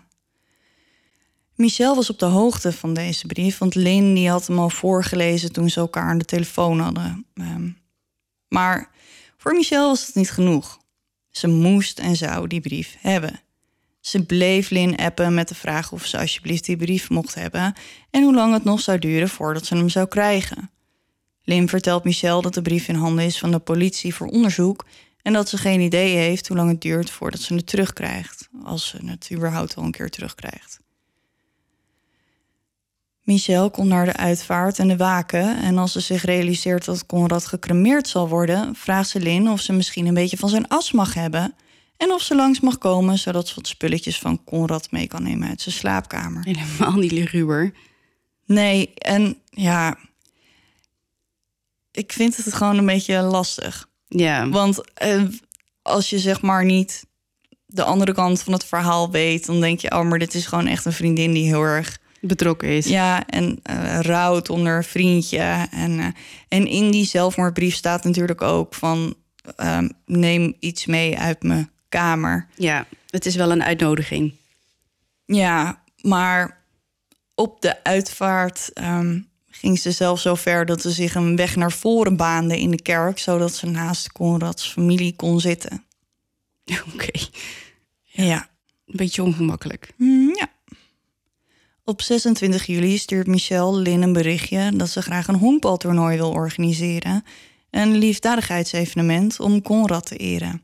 De bedoeling is van dit evenement is om geld op te halen voor het goede doel. En nou ja, voor het zal iets met zelfmoord te maken hebben gehad. precies. een stichting die, daar, ehm, die zich daarvoor inzet om dat tegen te gaan. Dus, maar mm, het kan ook een beetje voor Michelle geweest zijn. ja. Ja, Ze maakt een Facebook-event aan voor het evenement. Het evenement voor Conrad. Dat plaats zal vinden in haar woonplaats. Niet in zijn woonplaats waar al zijn vrienden en familie wonen. De beste vriend van Conrad, Tom, komt dit evenement toevallig tegen op Facebook. En als hij ziet dat het in Plainville is... en dat hij nog nooit van het meisje gehoord heeft dat het organiseert... heeft hij echt iets van... wat Fuck. is dit? Ja, hij had echt nog nooit van haar gehoord. Nee. Hij stuurt haar een berichtje om te vragen wie ze precies is en waarom ze een evenement voor Conrad organiseert. En waarom is het zo ver weg? Ja. Michelle legt dan uit dat ze een relatie had met Conrad en dat ze echt heel erg verliefd waren, bla bla. Maar superleuk dat hij contact opneemt. Ze zou het leuk vinden als hij zich ook voor het evenement zou inzetten. Ze geeft Tom haar telefoonnummer zodat ze contact kunnen houden. Oké, hier komen een paar berichtjes tussen Tom en Nee, hij is toch niet de volgende, hè? Nee, nee. Tom. Hey Michel, Tom hier. Michel. Hey Tom. Hoe laat begint het? Want ik wil graag zelf een Facebook-event aanmaken. Michel. Deel gewoon die van mij. Uitroepteken, uitroepteken. Haha. Ik weet nog niet hoe laat het begint. Ligt eraan hoeveel teams er aan meedoen. Tom. Ik denk dat ik er gewoon zelf een aanmaak. Ik ken een hele hoop mensen die jij niet kent. Vrienden en familie van Conrad dus. Ik heb het gevoel dat dat beter werkt. Michel. Oké, haha, goed idee. Noem je dan wel mij in dat bericht? Tom, maar waarom is het in Plainville? Michel, daar woon ik, haha. Tom, maar iedereen die Conrad kent, komt uit de buurt van Mattapoiset. Michel, ja, ik weet het, maar ik wist niet hoe ik zoiets daar moest organiseren. Ik ken daar niemand en het is te ver rijden om heen en weer te komen steeds. Tom, ik weet zeker dat ik iets kan regelen. Het is veel logischer om het hier te doen. Michel, ja, sorry, ik wilde het wel daar doen, maar ik ken er niemand en ik weet hoe ik het hier moet adverteren. Ik weet zeker dat mensen bij jullie vandaan ook gewoon zullen komen. Tom, dat snap ik, maar jij bent echt de enige die hij kende daar. Het zou gewoon zoveel makkelijker zijn voor zijn familie en vrienden als we het hier zouden doen. Michel, ik snap wat je zegt en ik begrijp het, maar ik denk echt niet dat ik het voor elkaar gekregen had om het daar te doen. Snap je? Tom, ik kan het organiseren. Puntje, puntje, puntje. Michel, nou, degene die ik organiseer is gewoon hier, want ik ben er al helemaal klaar voor. Haha. Maar anders organiseer jij ook wat? De week daarna of zo? Tom, ik ga contact opnemen met de honkbalvereniging hier. Het is gewoon veel makkelijker voor de familie en vrienden om te komen als het hier is. Ik weet dat dat is wat hij gewild zou hebben. Het zou leuk zijn als je erbij bent. Het zou super zijn als je de locatie zou kunnen veranderen. Wat is wat? Oké, maar hoezo laat hij haar niet gewoon haar dingetje doen? Prima, doe het lekker daar. En doet hij gewoon in hun stad met zijn coach en familie zijn eigen ding. Ja, maar die jongen die snapt het niet. Hij heeft nog nooit van het kind gehoord. Ja, dat snap ik dat hij dat niet Ja. snapt. Maar dit wordt, dit, kijk, ik beeld het uit, hè. Ik doe nu zeg maar mijn vingers spreiden en dan zo tussen elkaar doen. Ja. Maar bij hun is het gewoon zo de Tegen vingertoppen elkaar. tegen elkaar. Het werkt gewoon niet. Het gaat Nee. gewoon niet in elkaar schuiven. Ja. Ja, dus Michel eindigt dan nog met... Tom, ik kan het niet veranderen. Ik heb het hier al gepland en er zijn mensen die al reclame aan het maken zijn en zo. Het spijt me, maar het moet hier zijn. Ik weet zeker dat iedereen vanuit jouw plaats hierheen komt. En het is een liefdadigheidsding voor hem. Het is maar 40 minuten rijden. Dit was mijn idee en ik heb het hier georganiseerd. Haha. Die Nou, haha word ik ook een beetje... Ja, goed. Nou ja, ik denk dat we een punt wel snappen. Ehm, Michel lijkt gewoon graag een soort van Michel-show te willen... en niet per se iets voor Conrad en zijn familie te willen doen. En ik heb ook de berichtjes die uitgewisseld zijn tussen Michel en Tom... en het gaat nog even door en hij gaat dan nog aan haar vragen. Maar ehm, hoe lang daten jullie eigenlijk ook alweer? Ja. Ja, ja, echt al een paar jaar, maar het aan, uit, aan, uit. Maar afgelopen juli eh, of juni vroeg hij me weer eh, of ik met hem wilde daten. En eh, ja, dus deze keer echt iets van een maand of zo. En dus dacht ik, oh nou ja, ik heb echt nog nooit van jou gehoord. dus het is, ja, goed. Blijft een beetje kabbelen zo. Ja. De vader van Conrad laat detective Scott weten dat Michel een evenement aan het organiseren is voor Conrad. En de detective besluit een van zijn agenten naar het evenement te sturen. Hij wil er zeker van zijn dat het telefoonnummer dat geregistreerd staat op Michels naam ook echt door Michelle gebruikt werd en niet door iemand anders die haar telefoon gebruikt, bijvoorbeeld. Mhm. Als hij daar is, belt hij het nummer terwijl hij Michel in de gaten houdt om te kijken of het ook echt Michel is die de telefoon opneemt. En ja hoor, het is echt Michel. Verder viel het agent op dat Michel super vrolijk leek. Ze zat goed in haar vel en ze leek eigenlijk een beetje gewoon te stralen door alle aandacht die ze kreeg. Want ze had het natuurlijk georganiseerd Ja. voor haar vriend die zelfmoord had gepleegd en zo. Ja, en dat vinden mensen natuurlijk super bijzonder dat ze dat dan. eh, Ja, en wat is ze sterk en zo. Dat je dat, eh, ja. De familie van Conrad is er nog niet van op de hoogte dat ze onderzoek doen naar Michelle. Ze willen eerst meer zekerheid hebben over haar betrokkenheid bij Conrads dood. Ze vragen een bevel aan om haar telefoon en computers in beslag te mogen nemen. En zodra ze die hebben, brengen ze Michelle een bezoekje op school. Daar knopen ze een gesprekje met haar aan en dat gesprek werd opgenomen. Ik heb de audio zelf niet kunnen vinden, wel een soort van beschrijving van het gesprek. En blijkbaar speelt Michel de vermoorde onschuld en zegt dingen als... Oh, ik heb zo mijn best gedaan om hem te helpen. Ik vertelde hem hoeveel mensen er van hem hielden. Ik zei dat hij hulp moest zoeken. Dat is op zich niet helemaal onwaar, want dat Nee. heeft ze natuurlijk een hele tijd gedaan. Maar dan vertellen ze haar dat ze een bevel hebben om haar telefoon in beslag te nemen... en dat ze ook haar computers nodig hebben. Ze gaat met Michelle en haar vader naar haar huis en halen haar computers op. De politie onderzoekt alles wat ze in beslag hebben genomen. En nadat ze alles gelezen hebben, weten ze dat er maar één ding op zit. Ze moeten Michelle arresteren. Ja, maar op welke grond dan, in godsnaam? Nou, dat ga ik je nu vertellen. Ze arresteren Michelle en leggen haar dood door schuld ten laste. Oh ja, dat kan natuurlijk. Het leek erop dat Michel Conrad gemanipuleerd had om zijn eigen leven te nemen en ze gaf hem advies over wat en hoe hij het moest doen. Volgens de politie was het Michel er vooral om te doen om in het middelpunt van de belangstelling te komen als rouwende vriendin van een jongen die zelfmoord had gepleegd. Ze wilde aandacht van de mensen om haar heen. Het werd eigenlijk gewoon een soort van een soort van identiteit. Ja, Zo van mijn vriend heeft zelfmoord gepleegd. ja, dus ik ben de rouwende vriendin. Ze werd natuurlijk ook ineens een soort van anti-zelfmoordactiviste. En nou ja, ze organiseerde dus dat liefdadigheidsding. Ja. In de rechtbank was er één ding dat iedereen ervan overtuigde... dat dit dood door schuld was en geen zelfmoord. Namelijk het feit dat Michelle tegen haar vriendin had gezegd... dat Conrad uit de auto was gekomen omdat hij bang was. Misschien toch ineens weer twijfelde... maar dat ze hem weer naar binnen had gedirigeerd. Als ze dat niet tegen hem gezegd had... dan was er een kans geweest dat Conrad zich toch zou bedenken... en nog steeds in leven zou zijn. Fun fact, de advocaat van Michelle heet Joseph P. Cataldo. En tuurlijk. we gaan door. Op 6 juni 2017 wordt Michelle schuldig bevonden... en ze krijgt 2,5 jaar celstraf opgelegd.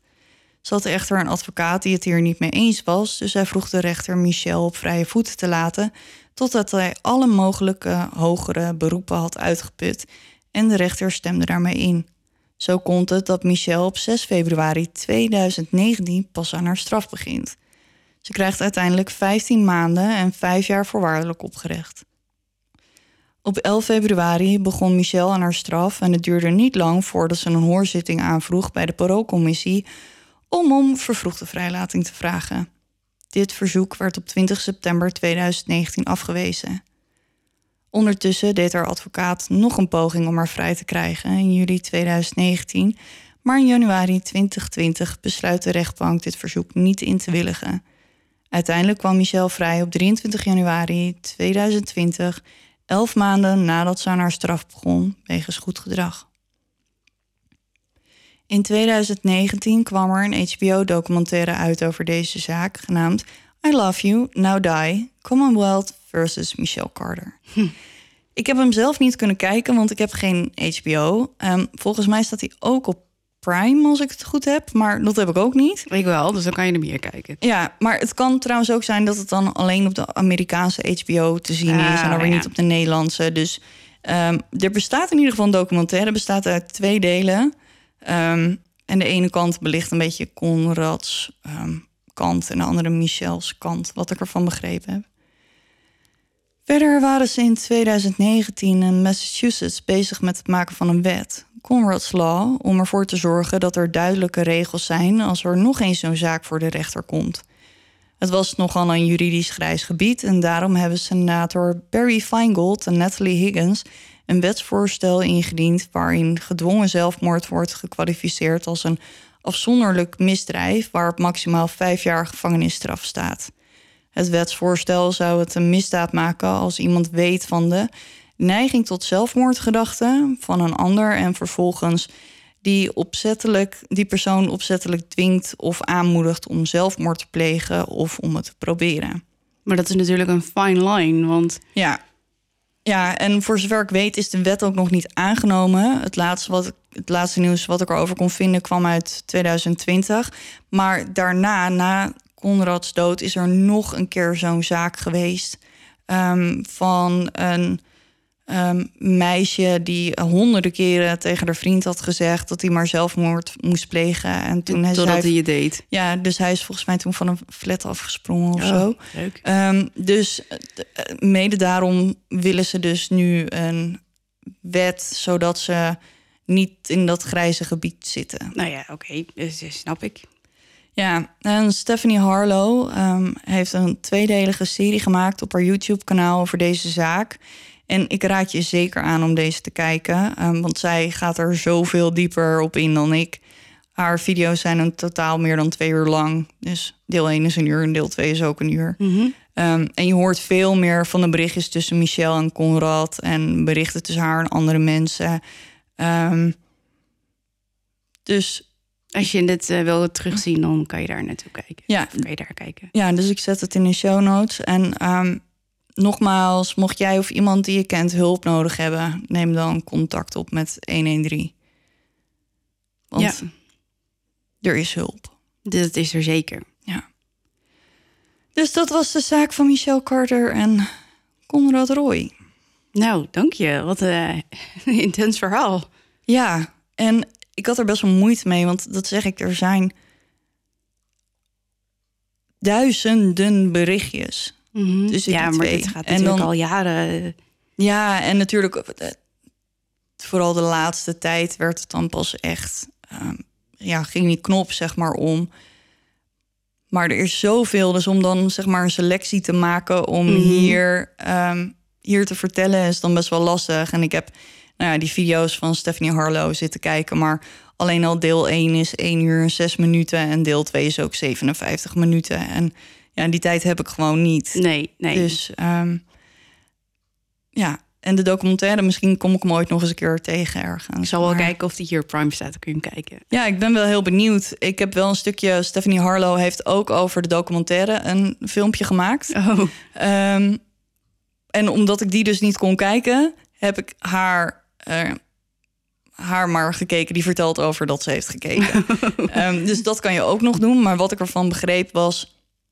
Um, haar mening was volgens mij dat ze heel erg geprobeerd hebben om Michelle minder schuldig te laten lijken. En ze oh. proberen heel erg medelijden op te wekken. En er zat blijkbaar een hele rare psychiater in. En die niet in, in medicijnen... In de documentaire bedoel je? Ja, Oké. die niet in medicijnen geloofde.